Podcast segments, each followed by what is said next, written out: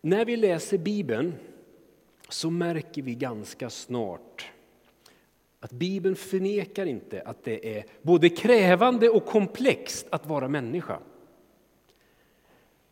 Paulus konstaterar att våra omständigheter de skiftar. Livet kan vara på olika sätt. Och, ja just det, det där har vi varit med om. Våra omständigheter de skiftar och Paulus han skriver så här. Jag har lärt mig att klara mig med det jag har. Jag kan leva fattigt, jag kan leva i överflöd. Ja, jag har verkligen erfarenhet av allt. Att vara mätt, att hungra, att leva i överflöd och att lida brist. Allt förmår jag genom honom som ger mig kraft. Paulus har erfarenhet av att livet kan vara på olika sätt. Han har erfarenhet av fattigdom och överflöd. Våra omständigheter de skiftar. Bara för att jag är kristen så innebär det inte att livet bara är enkelt eller underbart. Paulus är öppen med att livet ibland är väldigt utmanande. Vi kan bli utmattade, vi kan bli urladdade. Men Bibelns budskap är att Gud vill hjälpa oss att hantera våra omständigheter oavsett om det är brist eller om det är överflöd. Bibelns Gud vill hjälpa oss att hantera livet så att vi kan leva till Guds ära. Vi tror på en Gud som är helig och varm, som ger kampglöd, som gör trasigt till helt. Vi tror på en Gud som gråter med, som delar glädjen, som reser upp människor. Gud är full av energi. Att vara med Jesus det lyfter och inspirerar. Att vara i hans närvaro det fyller själen med frid. Allt förmår jag genom honom som vad då? Ger mig kraft. Vi tror på en Gud som vill ge kraft oavsett våra omständigheter. Därför skriver Paulus Hämta nu styrka hos Herren av hans, vadå? Oerhörda kraft. Det finns en Gud som vill stärka, som vill hela, som vill trösta, som vill uppmuntra, som vill väcka drömmar till liv, som vill utmana. Hämta nu styrka hos Herren av hans oerhörda kraft. Bibeln inbjuder oss till det, att hämta styrka hos Gud. Och det främsta sättet som vi har att närma oss Gud på, det är ju bön.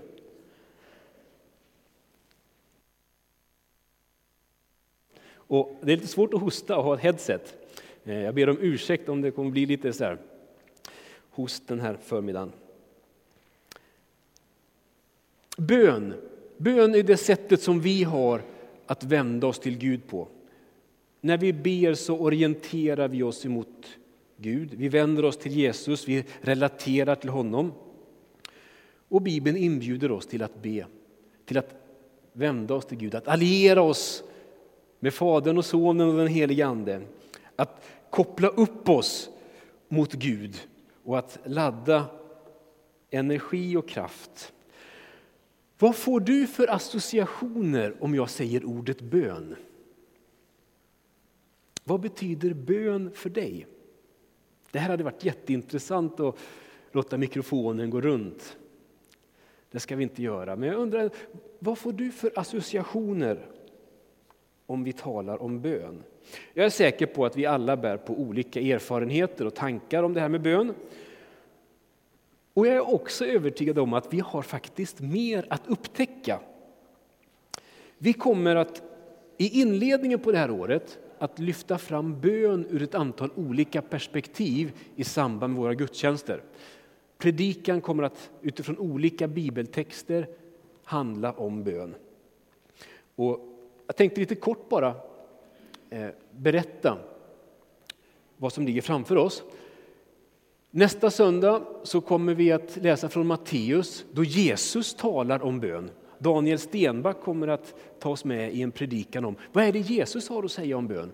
Söndagen efter det så kommer jag ta oss med in i en text som handlar om Jesus sätt att be. Han inte bara pratar om bön, han ber också. Vi ska läsa en av de texter som handlar om Jesus egen bön. Och sen kommer Inga-Märta att ta oss med i en text om hur den helige ande ber.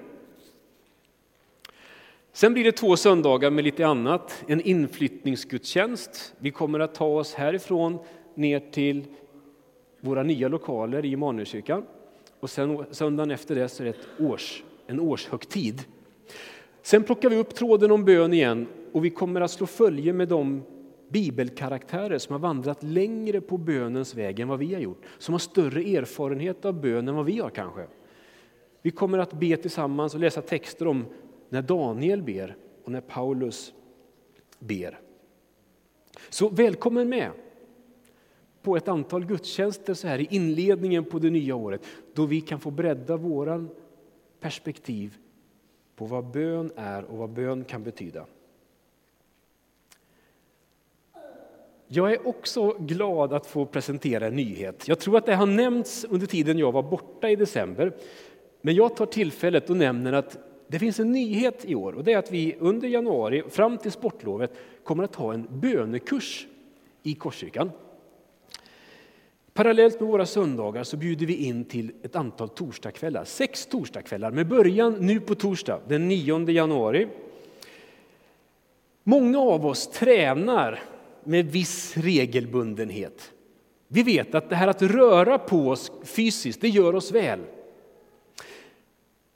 Vi vet också att andliga övningar gör oss oerhört väl. Det gör själen gott, det gör människan gott. Att be, det gör oss väl. Och jag tänker mig att den här bönekursen det är som ett sånt där grupppass på till exempel Friskis och Svettis. Fast det är inte med fysiska övningar, det är övningar för själen. Så vill du inleda 2020 med att ta steg i bön, välkommen med! Under sex veckor kommer vi att gå igenom den där bönen som Jesus lärde sina lärjungar att be, Fader vår. Vi kommer varva teori och praktik. Det tar en timme ungefär. Det behövs inget ombyte. Kom som du är. Och jag tror att vi ska få se en kort liten videosnutt där en av dem som har satt ihop den här kursen berättar lite vad det handlar om. Vi ska se om vi kan... Här har vi Pete Gregg.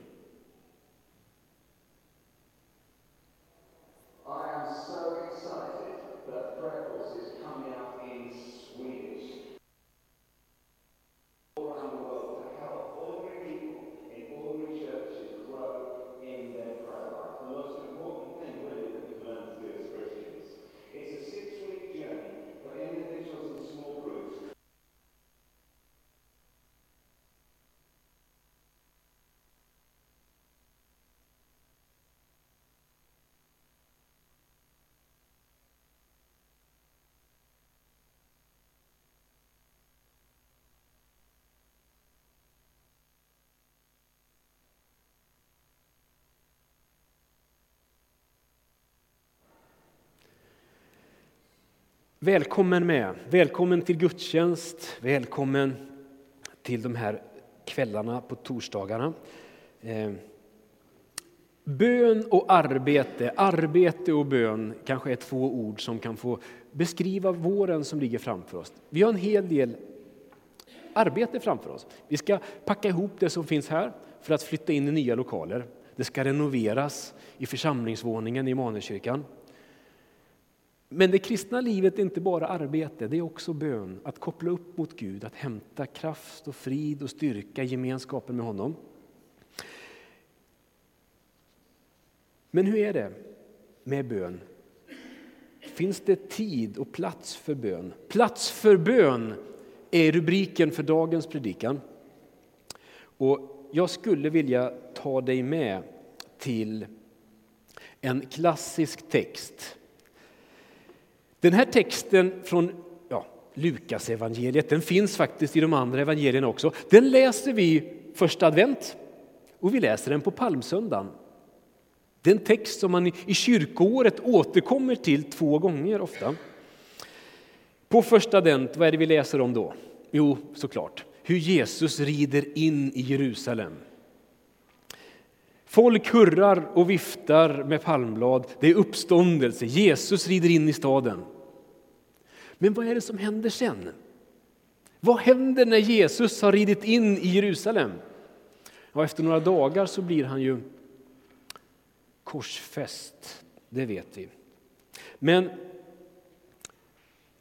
låt mig läsa de här verserna ifrån Lukas evangeliet kapitel 19. Och jag tror att vi, vi ställer oss upp och lyssnar till Guds ord till oss den här förmiddagen. Från Lukas evangeliet kapitel 19 och vers 45. Lyssna! Sedan, och det här utspelar sig när Jesus har kommit in i Jerusalem, direkt efter att han har ridit in i staden, så berättar Lukas så här.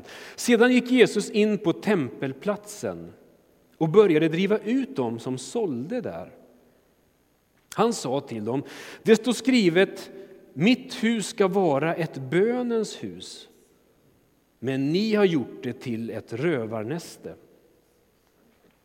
Och han undervisade i templet varje dag. Översteprästerna, de skriftlärda och folkets ledare sökte efter ett tillfälle att röja honom ur vägen. Men, de kunde, men de kunde inte komma på hur de skulle göra det eftersom allt folket höll sig nära honom och lyssnade ivrigt. Så lyder evangelietexten idag. Varsågod och sitt. Följ med in i den här texten. Inne på det här tempelområdet så pågår kommersen för fullt. Det är typ julhandel fullt ut. Det är försäljare som säljer får och duvor och vid sidan av alla de här försäljarna så finns det växlingskontor för det finns folk från hela delar, många delar av världen som kommer till Jerusalem just för högtiden här. Så tempelplatsen är som en stor saluhall det som är tänkt att vara en böneplats, det liknar en handelsplats. Och vad är problemet? Behövs inte all den där verksamheten för att få det som ska pågå i templet att faktiskt gå runt? Det finns ju ett uppenbart behov av både det ena och det andra. En ganska uppenbar efterfrågan, inte minst på djur, för att kunna delta i den här offerverksamheten som pågår i gudstjänstlivet. Men det verkar ju som att den där verksamheten, kommersen, handeln, har växt och tagit allt mer plats och utrymme. Templet i Jerusalem är ett stort komplex. Det är centrum för tillbedjan. Templet är ju för judarna på den här tiden den mest heliga platsen på jorden. Det var ju hit som man gick för att söka och finna och möta Gud. Och det var inte bara judar faktiskt, det var folk också från andra delar av världen som kom till Jerusalem. För att begripa vad det är som pågår så kan det vara ibland en poäng att bläddra bak i sin bibel till sista sidorna. Där brukar det finnas små kartor och skisser. Eh, jag vet inte vad du har för skisser i din bibel. Det här är en skiss som jag hittade i en av mina biblar. Eh, en skiss på templet. Man kan säga att templet består av flera zoner eller områden dit olika grupper har eh, tillträde. Finns det någon pekare på den här? Ja, titta. Så det här är själva templet med murar utanför och här inne ligger själva huvudbyggnaden. Och jag tror att om vi zoomar in här ska vi se. I själva huvudbyggnaden då så har man det allra heligaste dit översteprästen har tillträde en gång om året. Utanför här så är prästernas förgård, där prästerna rör sig. Och utanför det så finns sen männens förgård. Och utanför det finns också då kvinnornas förgård. Och här är själva ingångarna till templet. Eh, och så utanför templet här då så finns då själva tempelplatsen eller det som också kallas för hedningarnas förgård. Den här tempelplatsen runt själva huvudbyggnaden är ganska stor, 300 gånger 500 meter. Ett stort område, en yta, är ett torg som ligger innanför tempelmurarna men utanför själva huvudbyggnaden. Och, och den här eh, tempelplatsen den liksom avgränsas här med en slags balustrad, en låg mur, ett, ett trappsteg. Eh, och på det där trappsteget så fanns det ett anslag på de språk som talades på den tiden. Hebreiska, latin, grekiska. Där var det ett förbud. Stopp! Hit men inte längre. Det var ett förbud för hedningarna att träda in i det som var själva templets huvudbyggnad. Det fanns en varning, ett hot kan man nästan säga, med dödsstraff för den hedning som överträdde det här förbudet. Så tempelplatsen, det är det område inom templet som var tillgängligt för hedningar, de som inte var judar, men som ändå hade kommit till Jerusalem för att söka Gud. Och med den här bakgrunden så klarnar bilden lite om vad det är som Jesus, varför Jesus agerar och reagerar som han gör. Han ser hur den plats som är tänkt till bön, som är reserverad för de hedningar som längtar efter Gud, som söker Gud, när den platsen har blivit upptagen av handel och kommers, då reagerar Jesus. Det är hedningarnas rätt som Gud och som Jesus tar strid för. Han ställer sig på deras sida. De som finns i utkanten, som inte riktigt ges tillträde. Jesus är mån om att det ska finnas en plats för bön, för alla människor. En plats där vi kan vända oss till Gud, en plats där vi kan ta Gud på allvar. Templet i Jerusalem det finns inte längre. Men vår önskan är ju att Korskyrkan ska vara ett slags tempel, en andlig plats. En plats eller en gemenskap där det faller sig naturligt att be oavsett om du har varit med i många år eller om du är helt ny. En plats med en slags andlig gravitationskraft som drar oss in i Guds närhet. Vår önskan är att Korskyrkan, att vår gemenskap ska vara en bedjande gemenskap, ett bönens hus för alla folk. En plats för lovsång och tillbedjan, en plats för tacksägelse för allt det i våra liv som vi har anledning att tacka Gud för. En plats för förbön där vi får ropa ut vår nöd och be till Gud för allt det i livet som går tvärs emot Guds goda vilja. Frågan är, finns det utrymme för bön när vi, när vi möts? Vilken plats har bönen i våra gudstjänster, i våra samlingar, i församlingsledningens styrelsemöten? Finns det plats och utrymme för bön? Finns det utrymme för bön i våra liv i vardagen? Många av oss lever ju intensiva liv. Livstempot är högt och det är mycket som vi dras in i och det är många saker som sker parallellt. Veckoschemat är för många pressat med många åtaganden och arbetsuppgifter. Ofta så är det både roligt och spännande och krävande. Ett problem som jag har noterat under en ganska lång tid det är att när tempot i vardagen dras upp och tilltar och vi behöver prioritera för att hinna med och för att orka då har jag noterat att det finns en stor risk en stor risk att det som prioriteras ner eller prioriteras bort, det är tid för bön. Bönen riskerar att trängas undan av allt möjligt annat. Och till en början så tycks det inte vara något problem. Men ganska snart så visar det sig att det har konsekvenser med sig. Inte minst i en tilltagande trötthet. Gud anförtror oss människor ett stort ansvar.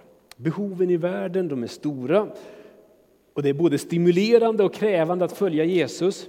Men lyssna, Jesus leder ju inte bara sina lärjungar ut i tjänst. Han tar också med dem till öde trakter. Så här står det faktiskt. Jesus säger, följ med mig bort till en öde trakt så att vi får vara ensamma och att ni kan vila er lite. Jesus vet ju att det är viktigt att återkommande stanna upp. Vi behöver vila och återhämtning. Likt en boxare som efter varje rond får hämta andan i ringhörnan så behöver vi återhämta oss. Regelbundet stanna upp, sänka farten, slå av mobiltelefonen, orientera oss emot Jesus. När har du en stund av tystnad inför Herren? Om livets puls aldrig stannar upp, när ger du då Gud full uppmärksamhet? Så här i början av ett nytt år så tänker jag att det i, på nytt igen är värt att göra en översyn över hur jag lever mitt liv, hur jag planerar min vardag. Hur kan jag säkerställa att det där som är allra viktigast inte trängs undan av allt annat som pockar på min uppmärksamhet? En pastorskollega han uttryckte det så här. Eh, så här har han skrivit. Jag anser att en genomtänkt planering av din dagliga och månatliga kalender är en av de, he, en av de heligaste saker du kan ägna dig åt. Att arbeta fram ett nytt meningsfullt schema är liktydigt med att skriva ett helt nytt manus för nästa fas i ditt liv. Att skriva ner och planera för det som är viktigt gör att jag försäkrar mig om att det inte bara ska trängas undan av allt annat som trycker på. Här finns det något för oss att tänka på tillsammans. Hur säkerställer vi att bönen har en central plats när vi möts till gudstjänst och till samlingar? Jesus rensade i templet och vi, många av oss, behöver nog troligen också vara med och rensa i våra kalendrar.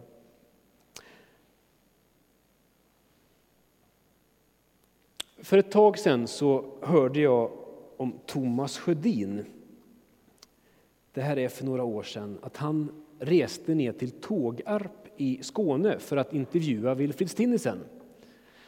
En ganska välkänd katolik munk. Och denne broder Stinnesen levde i bön på ett sätt som imponerade på Thomas. Det var attraktivt. Och Hela dagen samtalade de om bön. Och Thomas blev djupt fascinerad.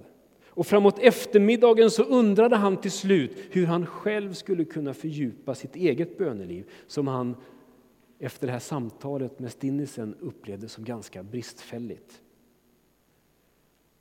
Jag tror, sa Wilfrid med värme i rösten, att när Gud ser på dig så säger han det är bra som det är.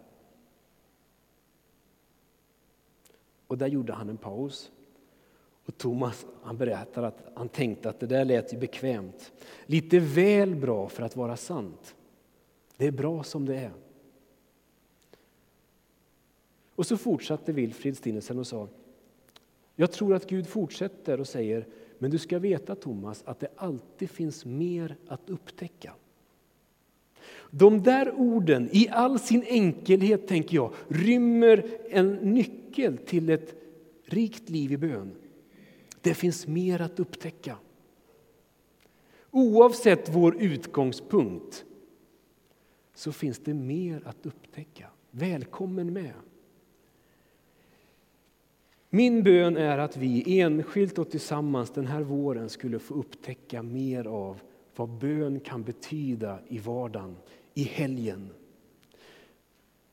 Jag vill inbjuda dig att ta steg mot Jesus i bön. I vår gudstjänst, men också när du är hemma. Att vända dig till Jesus, att koppla upp dig mot Gud. Jesus han inbjuder oss till det. Han vill leda oss in i gemenskap med Gud. Vilka steg kan du ta?